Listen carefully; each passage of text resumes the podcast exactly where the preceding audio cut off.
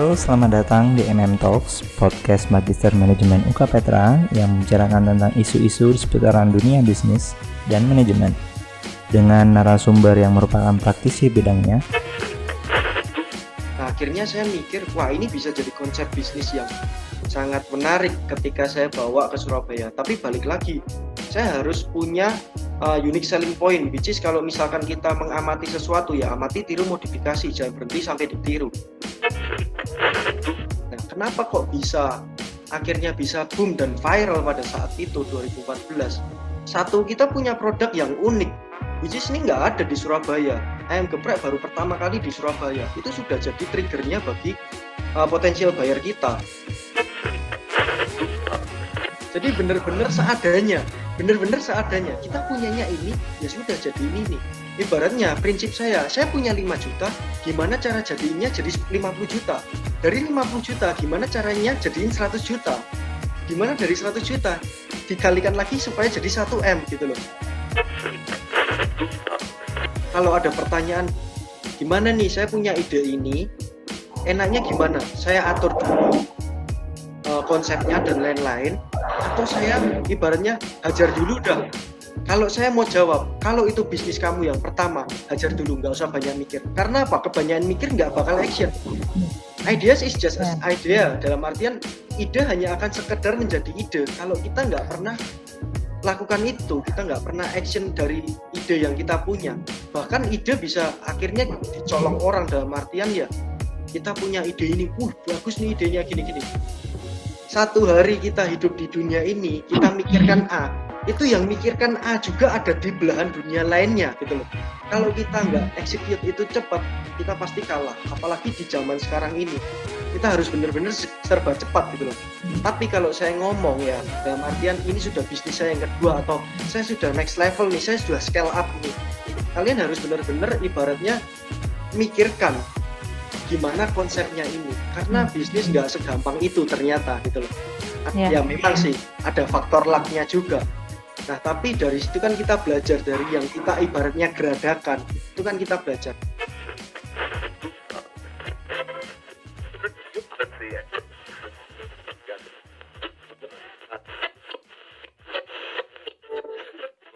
Nah, ini saya ceritakan dulu awal mulanya saya ini uh, berbisnis. Jadi memang betul saya ini kelahiran asli Solo dan 91, sekarang usianya 29 jadi masih di bawah 30 juga masih masuk tergolong milenial ya. Jadi sebelum saya merantau di Surabaya, saya ini asli Solo. Kemudian setelah SMA lulus baru saya ini masuk ke perhotelan ke Petra. Kenapa perhotelan? Karena pada saat itu saya memang jujur nggak tahu. Kita lulus uh, lulus SMA atau bahkan lulus kuliah pun aja kadang kita masih belum tahu kita ini mau ngapain sampai akhirnya ya jalan terbuka sendiri akhirnya. Nah, ketika singkat cerita ini saya masuk ke perhotelan Petra, uh, saya bisa dibilang kalau murid ya, kalau murid itu kan ada yang uh, pinternya itu luar biasa sampai IPK-nya 4 bulat terus, ada yang di atas 3,5 juga ada, sampai dibilang uh, yang bandel banget gitu ya ada. Kalau saya sih kebetulan jujur aja sedang sedang-sedang saja lah. Maksudnya ya nakal ya iya nakal. Kalau dibilang pinter ya enggak juga. Tapi ya kalau dibilang IPK saya lulus di 3,3. Jadi IPK itu 3,3 dan saya kebetulan juga akpres. Ya, jadi saya suka untuk ikut organisasi-organisasi juga pada saat itu yang mana sekarang ternyata sangat bisa dibilang sangat menguntungkan ketika saya dulunya di perkuliahan itu ikut organisasi. Ya bisa dibilang, saya kuliah pertama kali semester 1, saya nggak punya teman. Kenapa kok nggak punya teman? Karena waktu uh, pindah dari Solo ke Surabaya, yang masuk ke perhotelan dari sekolah saya itu cuma satu orang. Which is satu orang, ya teman saya satu orang itu. Yang lainnya semuanya baru. Padahal satu angkatan tuh bisa dibilang sekitar pada saat itu 120-an. 2009 itu 120-an uh, mahasiswa perhotelan. Ya, balik lagi ya bagaimana saya bersosialisasi dengan mereka-mereka yang baru, terutama dari uh, kelompok kecilnya dulu. Sampai akhirnya saya ini berpikir gimana saya bisa uh, mengembangkan sosialisasi saya ke orang-orang yang lain, yaitu dengan cara uh, ikut kepanitiaan tadi. Ya saya mulai ikut panitia internal maupun eksternal. Dalam artian apa? Internal itu lebih ke uh, benar-benar ke hima, hima yang di perhotelan maupun yang di luar hima perhotelan, which is uh, kayak paling besar ya kita ngomong P3K Maba pada saat itu. Nah, di situlah ketika P3K Maba, saya punya banyak link lah, ibaratnya seperti itu. Ada yang dari arsitek, ada yang dari sipil, ada yang dari, ibaratnya dari gedung P, gedung A, gedung B, sampai gedung T itu ada semua. Ya, itulah mulai dari situ jejaringnya, saya mulai banyak teman dari situ. Saya ikut terus kepanitiaan, dan saya ikut HIMA dua kali juga, dan saya bagi waktu juga untuk ya akademis tetap jalan. Kurang lebihnya sih seperti itu. Nah kalau ini ini belum masuk ke KM Geprek pada saat kuliah itu sebenarnya saya juga sudah kalau ditanya jiwa dagang jiwa dagangnya itu sudah dari sejak SMA saya tuh waktu SMA pernah berjualan juga jadi ketika kelas 1 SMA saya tuh berpikir bahwa wah ini gimana ya nambah-nambah uang jajan juga ini jadi kalau dibilang saya dari keluarga yang uh, super kaya juga enggak, kalau yang dibilang dari keluarga yang enggak punya juga enggak, ya sedang-sedang aja lah. Tapi saya punya prinsip bahwa saya ini cowok, saya harus bisa berdiri dengan kedua kaki saya sendiri gitu loh. Saya nggak mau bergantung dengan kedua orang tua karena suatu saat kita pun jadi bakal jadi kepala keluarga dan bakal meninggalkan keluarga kita. Karena cowok ditakdir, ditakdirkan untuk keluar dari keluarga ya kan, untuk membangun sebuah keluarga yang baru lagi. Saya dari situ saya berpikir bahwa enaknya ngapain ya ini? Kalau saya satu harinya dikasih uang jajan sama orang tua saya 5000 which is kalau satu minggu kan 35 ribu nih. Nah, akhirnya saya berpikir, saya akhirnya jualan uh, nugget curah. Nugget itu saya kasih tusuk sate, jadi satu tusuk sate itu ada sekitar uh, tiga nugget, jadi ada chicken ball juga, ada kentang juga, french fries. Saya kerja itu uh, dari awalnya satu kelas saya tawar-tawarkan dan ternyata ya puji Tuhan menjalur nih sampai ke kelas-kelas yang lain. Sampai akhirnya saya kelabakan. Jadi saya harus bangun pagi jam 5, saya masak, saya masak, saya siap-siap sekol, uh, berangkat sekolah akhirnya. Nah, waktu di sekolah sebelum jam 7 masuk kelas saya distribusikan itu makanannya. Sampai akhirnya kelabakan, Nah ini mulailah berpikir gimana caranya saya nggak terlalu kelabakan. Karena pulang sekolah saya masih harus ke, pada saat itu hypermart. Saya ke hypermart, saya belanja uh, beberapa bahan-bahan curah juga. Curah pada saat itu. Tapi kenapa kok enak ya? Itu ada bumbunya juga ya kan. Nah akhirnya saya uh, beberapa teman saya approach pada saat itu. Jadi mungkin di situ sudah ilmu negosiasinya juga terbentuk juga. Jadi saya approach ke beberapa teman, saya uh, ini bisa saya kalkulasikan dalam artian saya presentasi ini ya saya itu sudah jalan uh, jualan kayak gini gorengan kayak gini itu selama kurang lebihnya satu minggu satu minggu modal saya sekian sekarang uh, profitnya sekian jadi kurang lebihnya kita ada margin sekian kalau misalkan kamu mau join di sini nanti kita bagi tugas kamu kan ada pembantu tuh di rumah nah kamu yang suruh masak itu jadi saya yang cari order kamu yang masak besoknya kita distribusikan bareng. Oke, okay, deal fair. Berangkatlah akhirnya. Itu tambah besar nih akhirnya. Uh, ada kongsian berdua, akhirnya tambah besar, tambah besar lagi bertiga akhirnya. Nah, pada saat bertiga ini akhirnya menemukan masalah yang mana uh, dipanggil nih kepala sekolah. Panggilnya nggak nggak langsung panggil dalam artian saya dipanggil uh, perseorangan nggak, panggilnya pakai halo-halo yang di kelas itu loh. Jadi dia infokan bahwa di sekolah dilarang berjualan, berdagang. Ini nyindirnya luar biasa. Satu sekolah tahu semua, dilarang berjualan di area sekolah. Sekolah adalah untuk belajar, bukan untuk berdagang. Wah, akhirnya saya, siapa ini yang kena? Ternyata saya dipanggil ke kantornya kepala sekolah. Saya dipanggil, saya akhirnya dikasih tahu ya intinya sih ya benar juga sih ya maksudnya kita masih sekolah ya fokus lah sekolah dulu pada saat itu akhirnya ya sudah tutup nih lapaknya tutup kuliah saya ulang lagi. Nah, ini mungkin ada beberapa dosen, yang nggak beberapa sih, semuanya nggak tahu. Baru Mem Shirley aja yang tahu, karena kemarin saya ada uh, sedikit coba tes video juga dengan Mem Shirley. Nah, jadi ceritanya semester 5 itu kan kita kalau perhotelan kan ada yang namanya OHA ini, ya kan? Sebelum masuk ke MOH semester 6 kan kita bikin sebuah kafe.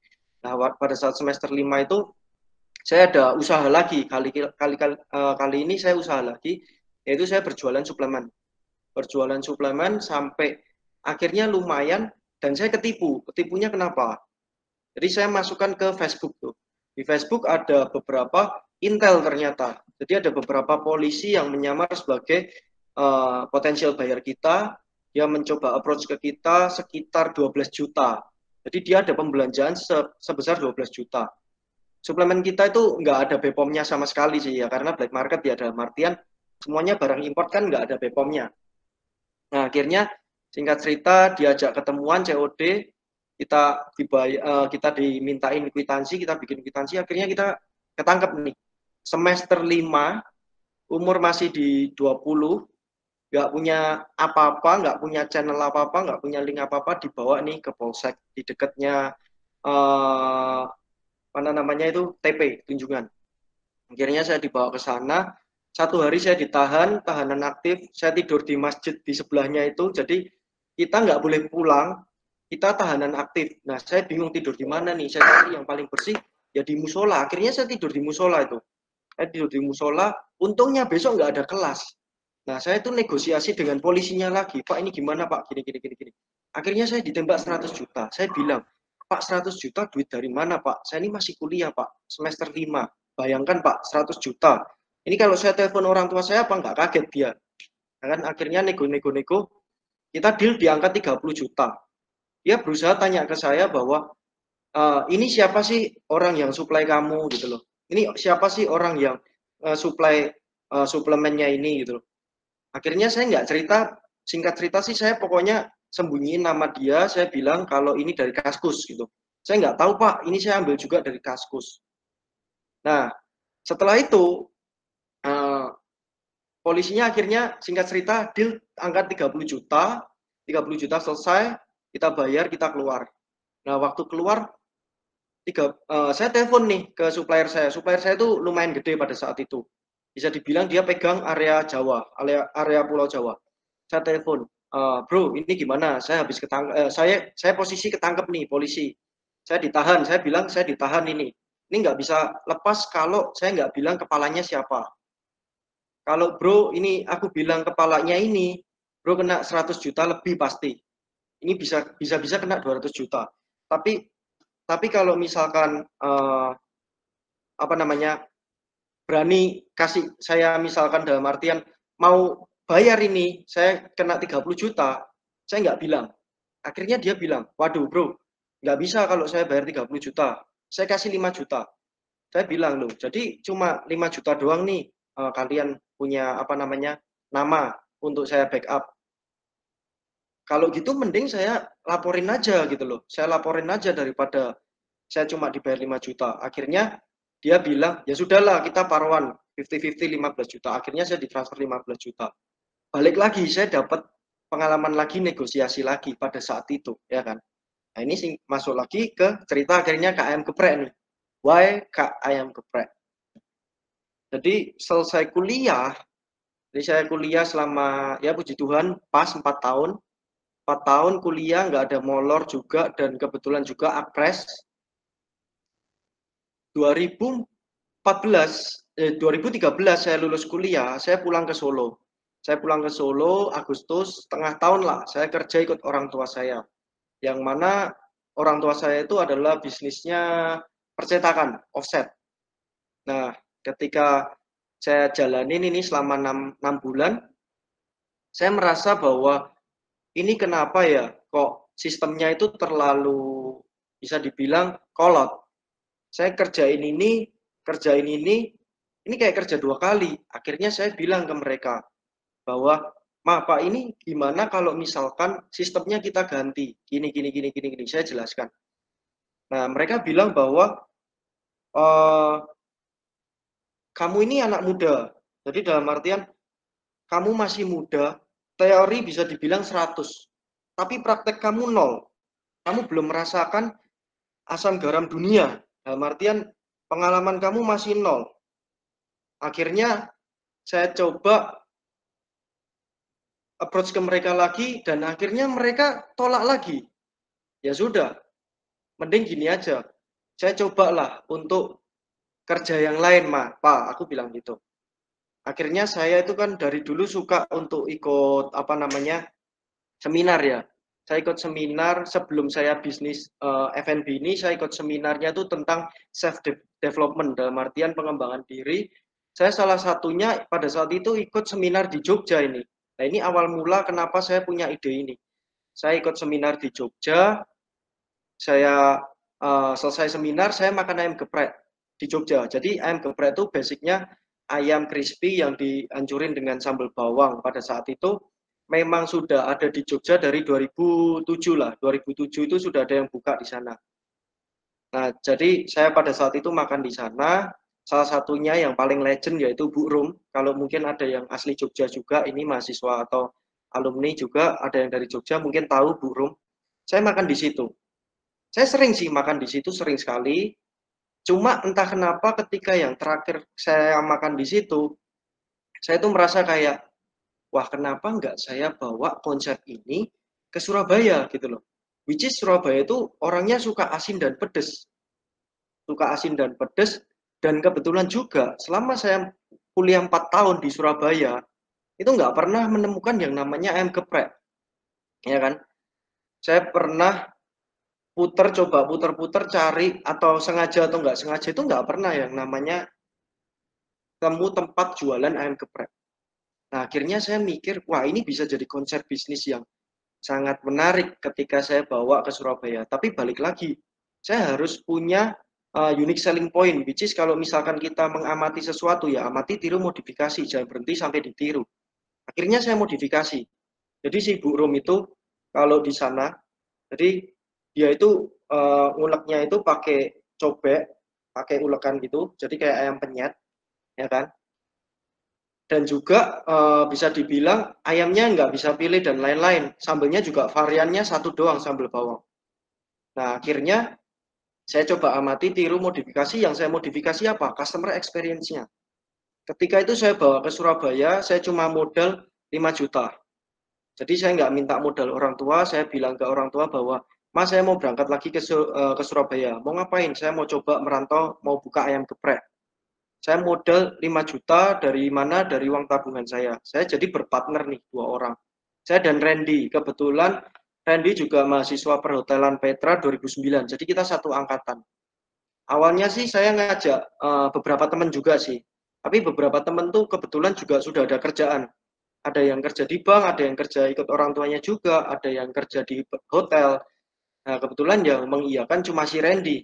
Akhirnya kita kerja uh, coba cari tempat kita modal 10 juta. Saya 5 juta partner saya 5 juta. Itu buka di mana? Buka di sebuah warung kecil. Jadi bisa dibilang warungnya itu tiga kali tiga lah kecil. Di mana? Di Menur. Jadi kalau bagi yang tahu di Menur itu ada kayak warung giras 24 jam di pinggir jalan mau ke arah ke Uner itu di Karang Menur itu kan ada uh, infomedia ada jembatan itu ya sebelah kirinya itu ada tempat kecil kecil sekali. Kebetulan uh, ada kakak kelas perhotelan juga 2008 sewa tempat di situ. Dia malam jam 6 sampai jam 3 subuh dia buka angkringan. Dia buka angkringan di situ. Buka angkringan, kemudian kita tanya ini, uh, kalau misalkan kita sewa dari jam 6 pagi sampai jam 3 uh, eh, sorry, dari jam 7 pagi sampai jam 5 sore boleh atau enggak?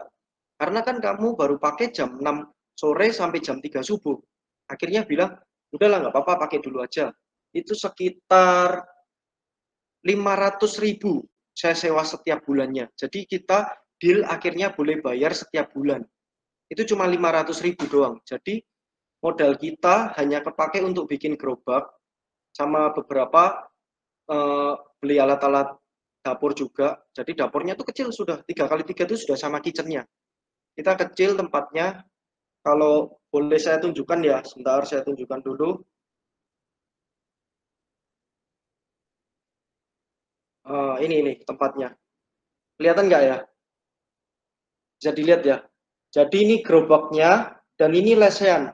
Jadi pure bener-bener kita tuh berawal dari gerobak. dan lesehan. Tempatnya lesehan kecil gitu, cuma empat meja dan lesehan. Jadi kalau dibilang uh, kapasitasnya tuh kecil sekali. Akhirnya kita dua bulan di sana merasa uh, demand-nya itu cukup lumayan sih ya dalam artian kita demand-nya lumayan karena apa? Karena ya kita kerja ini malamnya itu misalkan kita tutup jam 5, kita masih delivery juga. Jadi kita terima delivery by order pada saat itu masih BlackBerry. Jadi di BB saya bikin status bagi yang Mas e, mau delivery ayam geprek bisa setelah jam 5 sore. Yang mana daerah Siwalan tuh saya kasih gratis ongkir kan pada saat itu saya masih kos tuh di daerah Siwalan juga. Jadi saya dulu kos di Padang Pasir dan saya akhirnya sampai kerja pun juga selama tiga tahun lah saya masih ngekos juga. Nah saya tiga dua bulan kurang lebihnya demandnya lumayan tinggi tapi kita nggak bisa supply banyak karena apa? Satu karena operasional hour operasional hour-nya kita cuma 10 to 5. Jadi kita buka jam 10 sampai jam 5 sore. Which is ya cuma sekitar 7 jam doang ya kan. 7 jam doang. Dan juga balik lagi kapasitas sittingnya itu nggak memadai juga. Pada saat 2014 saya buka Maret, itu belum ada itu yang namanya ayam geprek. Kita tahu kan artis itu kan ada yang buka ayam geprek dan ayam geprek-geprek lainnya lah ibaratnya seperti itu. Bisa dibilang kita pioner di Surabaya. Tapi saya ada modifikasi dari Yogyakarta. Apakah itu yaitu cara kita memasaknya? Dalam artian kita showing ke customer kita itu pakainya lumpang sama alu. Jadi kita tumbuk gitu. Jadi orang datang tuh bingung juga. Ah apa sih ini? Ayam geprek. Namanya aja unik.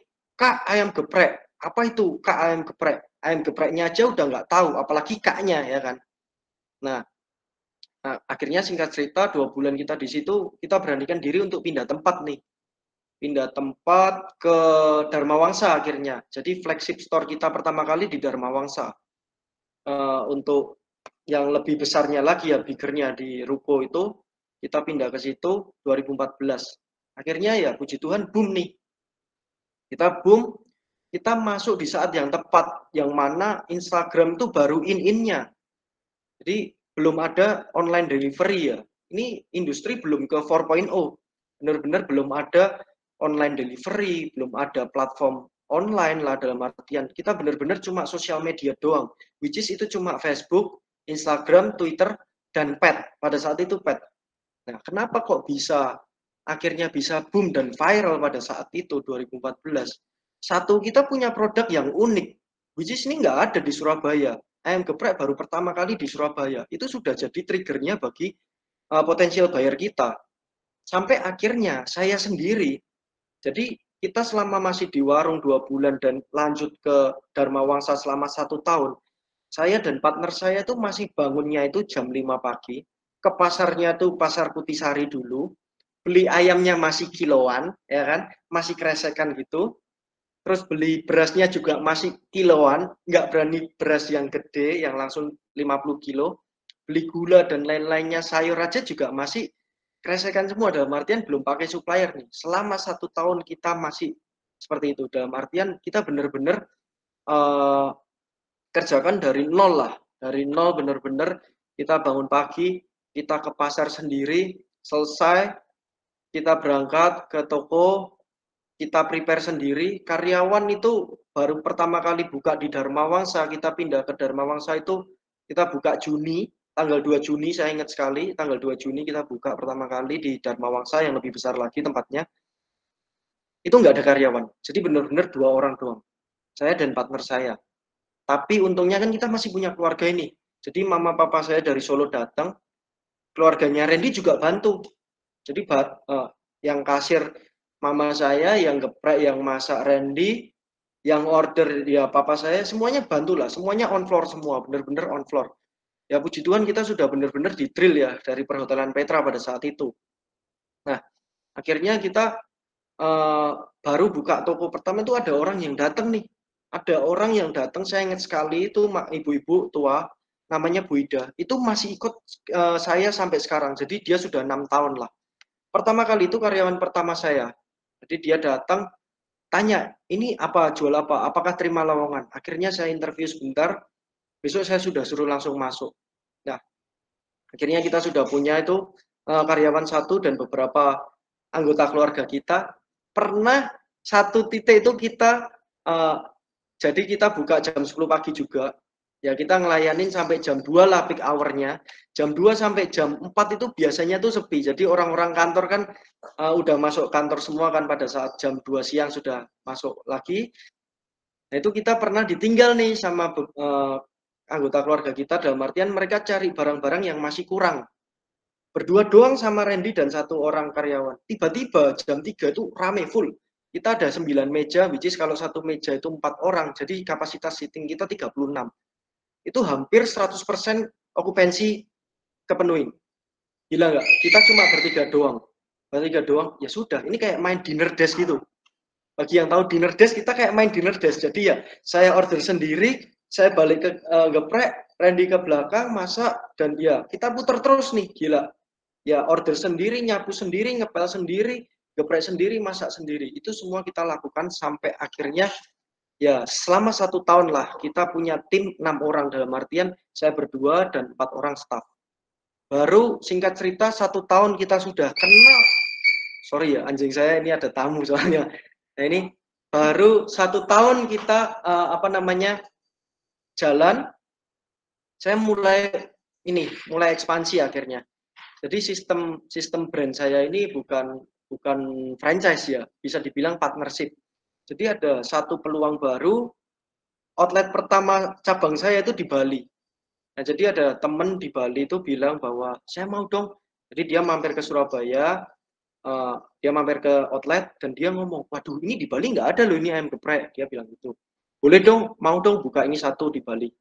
Akhirnya kita negosiasi dan lain-lain, lain-lain. Ya, actually agak nggak serak juga sih sebenarnya sama ini apa namanya partner yang baru ini. Karena kan sistem kita partnership. Is kalau misalkan sistemnya partnership bukan franchise itu kan nggak beli putus. Jadi jangka panjang kan. Nah karena kita partnership ya kita harus selektif gitu loh. Partnernya aktif lagi. Ya, karena partnernya aktif kita harus selektif. Karena kita pengen brandnya ini tuh sustain bukan yang cuma kerja satu dua tahun doang selesai enggak. Kita pengennya tuh long term gitu loh.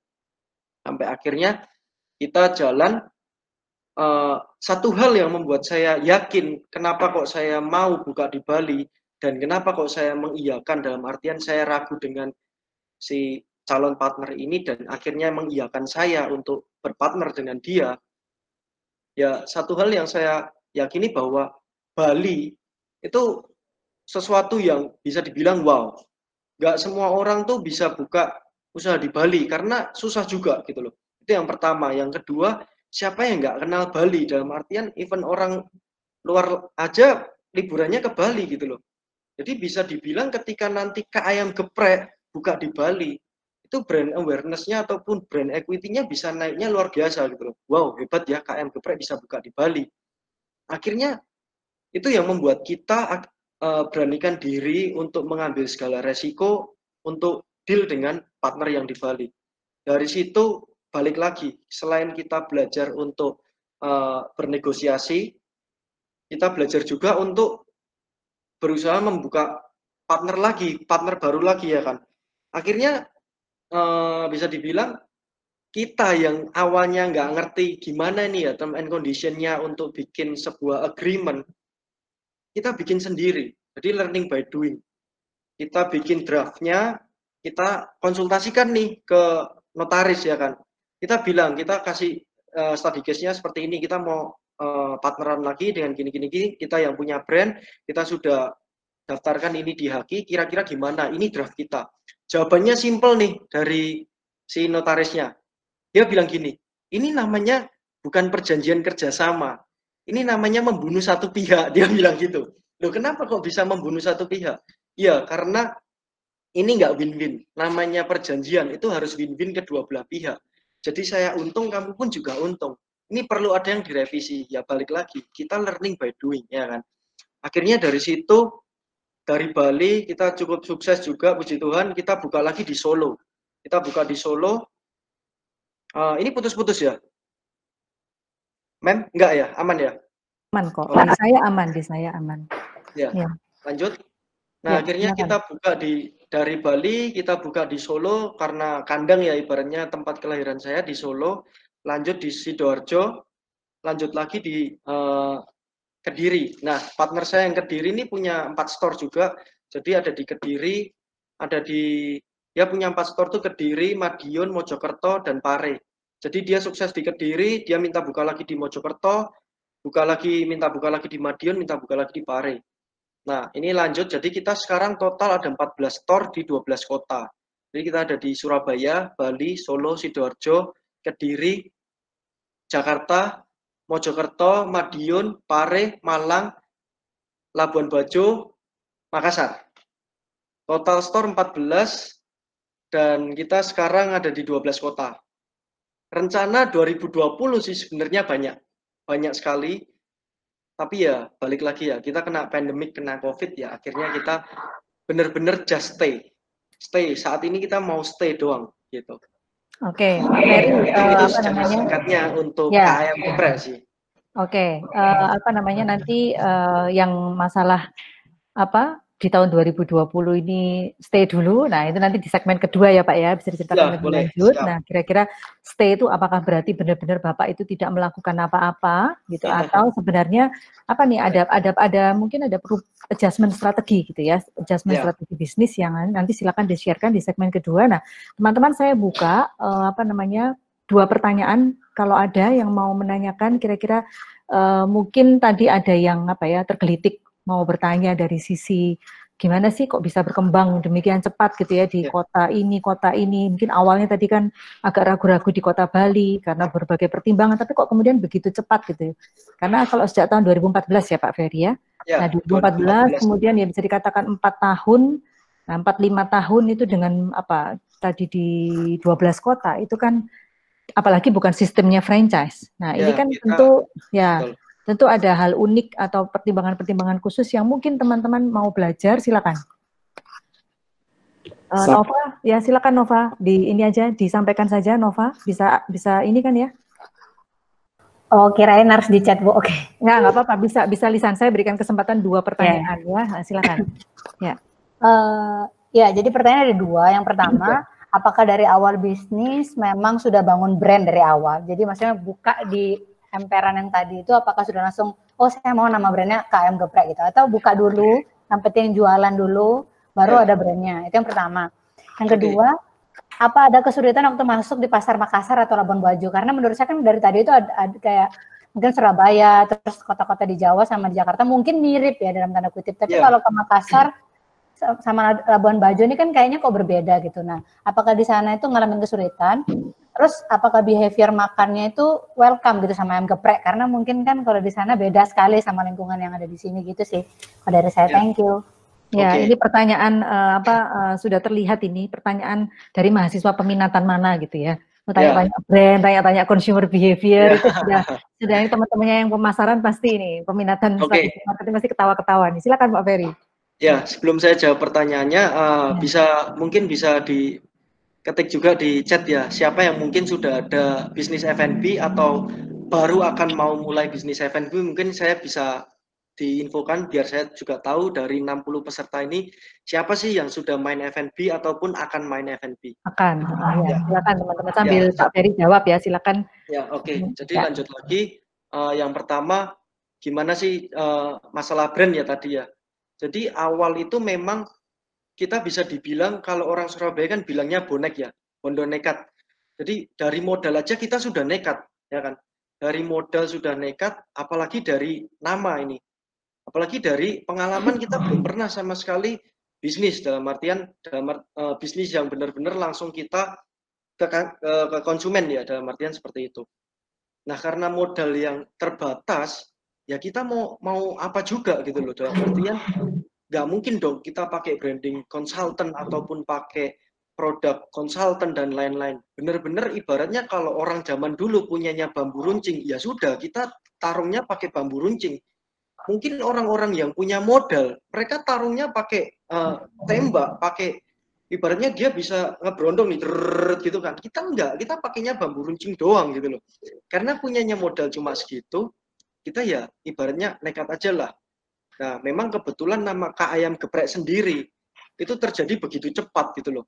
Kita sebelum menen, uh, kita sebelum menentukan suatu usaha atau lagi brand, ibaratnya brand itu kan uh, bisa dibilang mukanya kita yang yang bakal kita perlihatkan ke potensial buyer kita yang mana sampai akhirnya dia trust untuk membeli produk kita kan. Nah, pada saat dulu itu ya bisa dibilang perhotelan nggak nggak dapat yang sampai spesifik itu dibandingkan hmm. marketing ya, ya kan. Hmm. Akhirnya ya bisa dibilang juga kak ayam geprek yang awalnya logonya seperti ini kita nggak pernah ganti logo. Kebetulan partner saya itu pacarnya orang DKV. Nah itu kita use using other people power lah ibaratnya seperti itu kan. Jadi itu gunanya koneksi network ya seperti itu.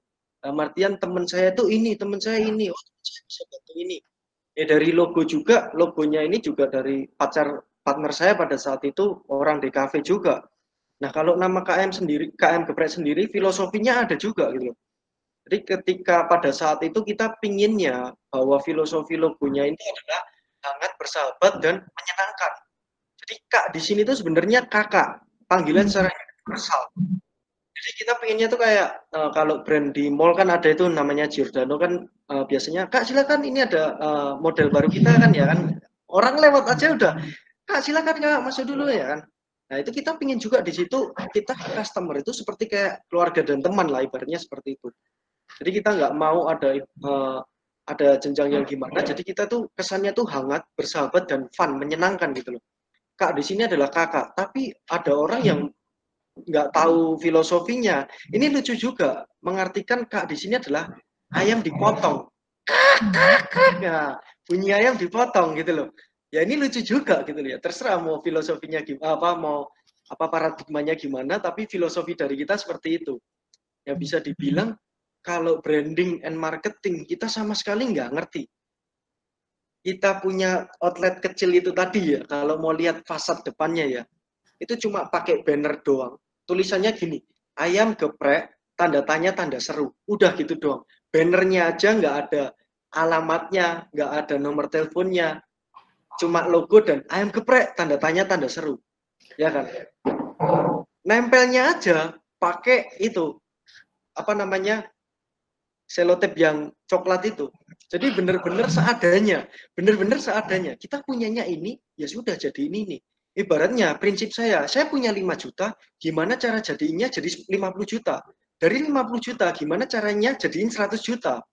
Gimana dari 100 juta, dikalikan lagi supaya jadi 1 M gitu loh.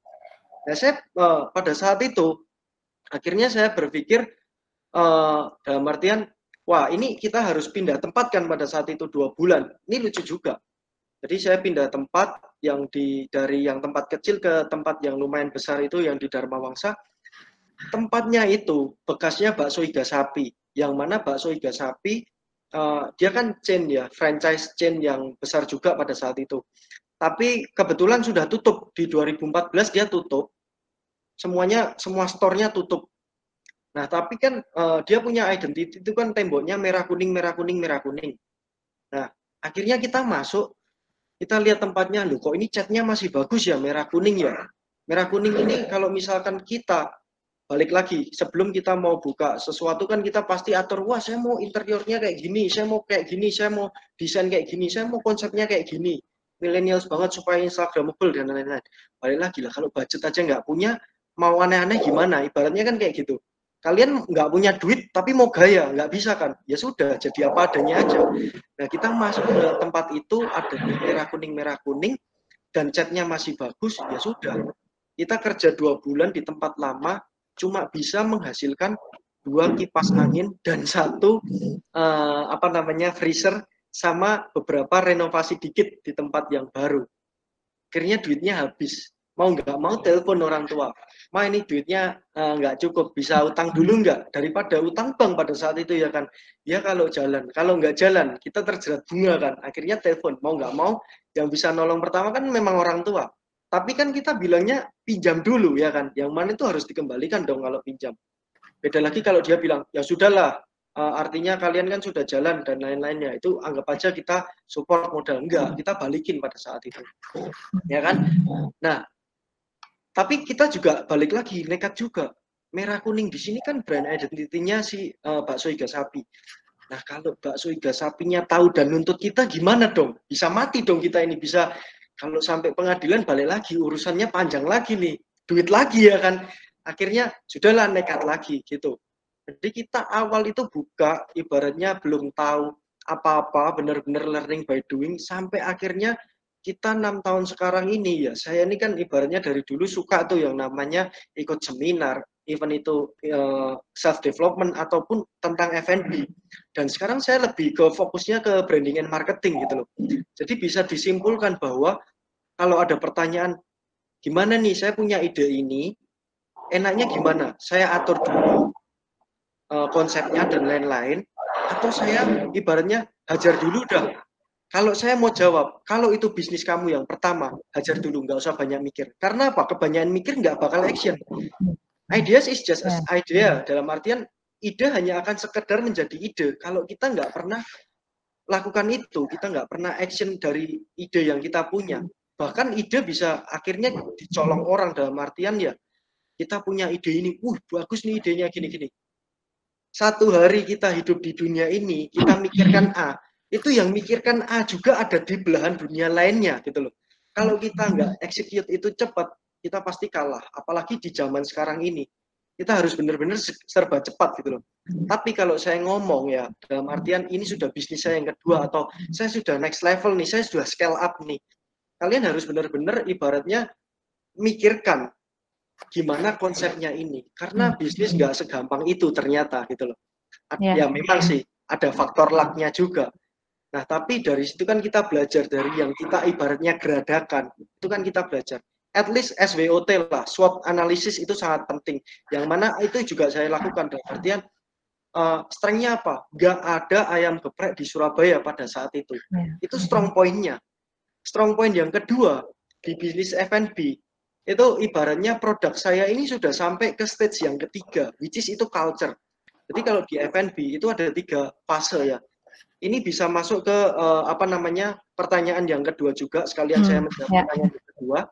Jadi gimana sih customer behaviornya dan lain-lainnya? Ibaratnya kan kalau di Jakarta, Surabaya kan bisa dibilang uh, behaviornya hampir mirip. Jadi kalau untuk penetrasi ke market lebih gampang daripada yang di Makassar. Nah ini bisa saya jawab juga bahwa ketika kita menciptakan suatu produk di bisnis F&B itu kita harus benar-benar tahu bahwa F&B itu ada tiga stage yang mana stage pertama, uh, produk kalian tuh harus masuk ke fase trend. Which is uh, fase trend itu kita bisa bilang apakah produk ini bisa hype ataukah produk ini bisa viral. Kita ambil contoh lah, uh, es kepal Milo ya, es kepal Milo. Apakah produk ini bisa viral? Viral. Kenapa? Es kepal Milo yang dulunya kita mau minum Milo aja itu diseduh ataupun tinggal buka uh, sasetnya kita tuangkan tinggal kita aduk kasih es batu kita minum ini sekarang dimodifikasi. Balik lagi tiru amati modifikasi. Ya kan? Uh, di, dia modifikasi pakai es serut ya kan? Viral nih gila. Tapi pertanyaannya apakah dia dari fase tren bisa masuk ke fase yang kedua which is itu habit lifestyle? Nggak bisa di fase tren hanya bertahan 3 sampai 6 bulan doang. Yang mana uh, fase tren ini bisa dibilang produk kalian viral and then apakah itu bisa going strong masuk ke yang kedua lifestyle, itu lifestyle itu habit nggak belum tentu. Apa yang bisa menyebabkan produk kalian masuk ke cycle yang kedua? Itu adalah purpose-nya tujuannya. Apakah saya mengkonsumsi produk ini ada tujuannya dalam artian saya mengkonsumsi es kepal Milo setiap hari. Apakah ada tujuannya? Nggak ada. Yang ada saya punya pabrik gula yaitu diabetes gitu loh. Kalau saya makan es kepal Milo. Jadi bisa dibilang produk kalian nggak mungkin bisa masuk ke cycle kedua. Apalagi cycle yang terakhir nih yang paling ultimate yaitu culture budaya. Apa yang bisa masuk ke sampai stage yang terakhir apa yang menyebabkan produk kalian bisa masuk ke stage yang terakhir kalau produk kalian bisa masuk ke stage yang sampai yang terakhir, udahlah itu pasti long last. Sustain lah bisa dibilang seperti itu. Tinggal kalian menginovasi produk kalian. Nah, saya jual produk itu tiga-tiganya. Dua sih, awalnya dua. Semuanya sudah di stage yang terakhir. Yang pertama nasi, yang kedua ayam. Kenapa kok saya bisa bilang seperti itu? Orang Indonesia budayanya kalau nggak makan nasi belum makan ya kan. Makan Indomie aja pakai nasi, ya kan? Ya. Luar negeri kaget. Nih lihat KFC McD-nya loh kok KFC McD-nya nggak ada nasinya ya? Waduh belum makan ini ya kan? Akhirnya kayak merasa belum makan gitu loh. Itu sudah fase di culture gitu loh. Udah fase di budaya. Nah balik lagi ayam ayam kalau kalian cek di Google Trends ya dia menempati posisi pertama sebagai komoditi produk yang dimakan orang Indonesia setiap harinya. Tinggal inovasinya gimana ada ayam bumbu rujak ada ayam goreng ada ayam bakar ada ayam woku ada ayam geprek ada ayam macam. Semua macam makanan itu basicnya mostly ayam. Yang kedua apa? Sapi. Yang ketiga baru seafood. Ya kan nggak mungkin kan kita makan kucing geprek kan nggak mungkin kan. Ya ini ayam ayam itu sudah budaya Indonesia. Jadi kalau dibilang apakah susah masuk ke sana masuk ke ibaratnya culture-nya orang Makassar? Enggak karena saya jual produk yang sudah jadi budayanya orang Indonesia. Apalagi pedes. Bisa dibilang nggak semua orang suka pedes tapi rata-rata semua orang suka pedes gitu loh. Ya kan? Akhirnya ini singkat cerita juga, boleh saya ceritakan juga. Ya. 2017 ya, saya uh, usaha selama tiga tahun dari 2014 sampai 2017. Omset saya nasional turun semua.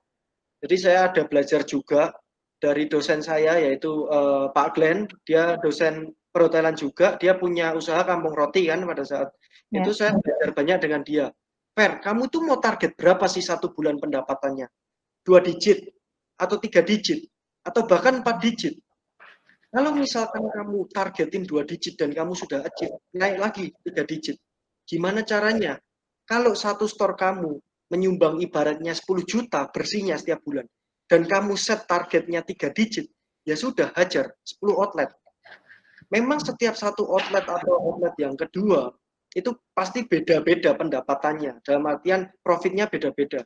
Tapi kalau kamu sudah set target satu bulan, saya mau penghasilan tiga digit, hajar sampai itu achieve. Dalam artian kalau butuh 20 outlet, hajar 20 outlet.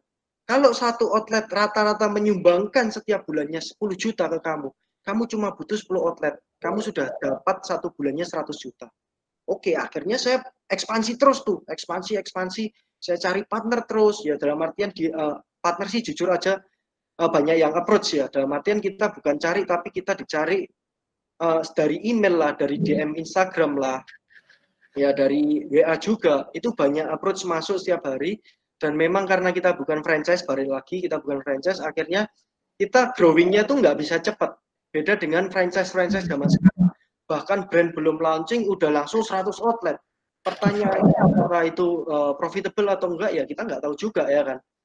Nah tapi bisnis saya bisnis model saya nggak franchise kita partnership. Nah 2017 singkat cerita tiga tahun saya kerja di sini yang mana dari belum ada online delivery, belum ada marketplace online, ya kan? Ini 2017 omset saya nasional jeblok dan saya kaget, benar-benar kaget. Karena apa? Si artis mulai mainan M geprek. Si artis mulai main M geprek. Nah, di sinilah di tahun 2017 lah yang awalnya dari 2014 sampai 17 kita itu pasarnya bisa dibilang monopoli which is di Surabaya, di Jakarta, di mana-mana lah kota-kota yang kita masukin tuh hampir belum ada yang geprek dan kita pionir di sana. Pem, tiba-tiba artis punya nama masuk di bisnis ini. Gila apa ya masih kurang ya dia ini ngartis gitu loh ya kan. Akhirnya dari situ saya mulai belajar yang namanya branding gitu loh. Branding saya harus belajar karena branding sangat penting sekali gitu loh. Ibaratnya untuk menjaga bisnis kita ini sustain ya kan? Ibaratnya uh, kita satu uh, apa apa ya kita ngomong baju aja lah. Baju yang enggak ada mereknya dengan baju yang ada mereknya Supreme itu aja sudah beda ya kan? Nah itulah hmm. branding. Branding is a matter. Akhirnya lanjut singkat cerita 2017 kita terombang ambing nih gitu loh. 2017 kita mulai memikirkan strategi demi strategi gimana supaya kita bisa bertahan di bisnis ini kuncinya saya percaya bisnis F&B ini selama manusia punya lambung, bisnis F&B tidak akan pernah mati. Bisnis ini akan mati ketika tidak ada inovasi di dalamnya. Nah, inovasi inilah yang bakal menjadikan kita terus bertahan di bisnis ini ataupun di industri ini gitu loh. Jadi kalau saya bisa bilang F&B kalau misalkan kita ngajak price war ya. Kenapa kalau saya bilang ngajak price war? Karena saya sudah mengalami itu. Dalam artian gini, saya sudah set harga 15.000. Eh, harga naik nih misalkan kena uh, lebaran mau lebaran, bahan-bahan naik dan ternyata stay dia. Kita ya tinggal mau potong margin atau kita nggak mau potong margin. Kalau kita nggak mau potong margin ya kita harus naik. Nah, sedangkan hmm. saya buka 15 ribu, toko sebelah ini lapak sebelah bukanya berapa? 10 ribu. Sebelahnya lagi buka 8 ribu lah, gila kita ini. Main harga perang harga terus kalau misalkan F&B main perang harga, kita hancur pastinya. Karena kita nggak ngerti snowball efeknya itu bakal semakin besar, semakin besar, dan semakin besar nantinya. Itu. Akhirnya ya kita kan punya OPEX ya, operasional expense itu kan setiap bulannya kan nggak tahu.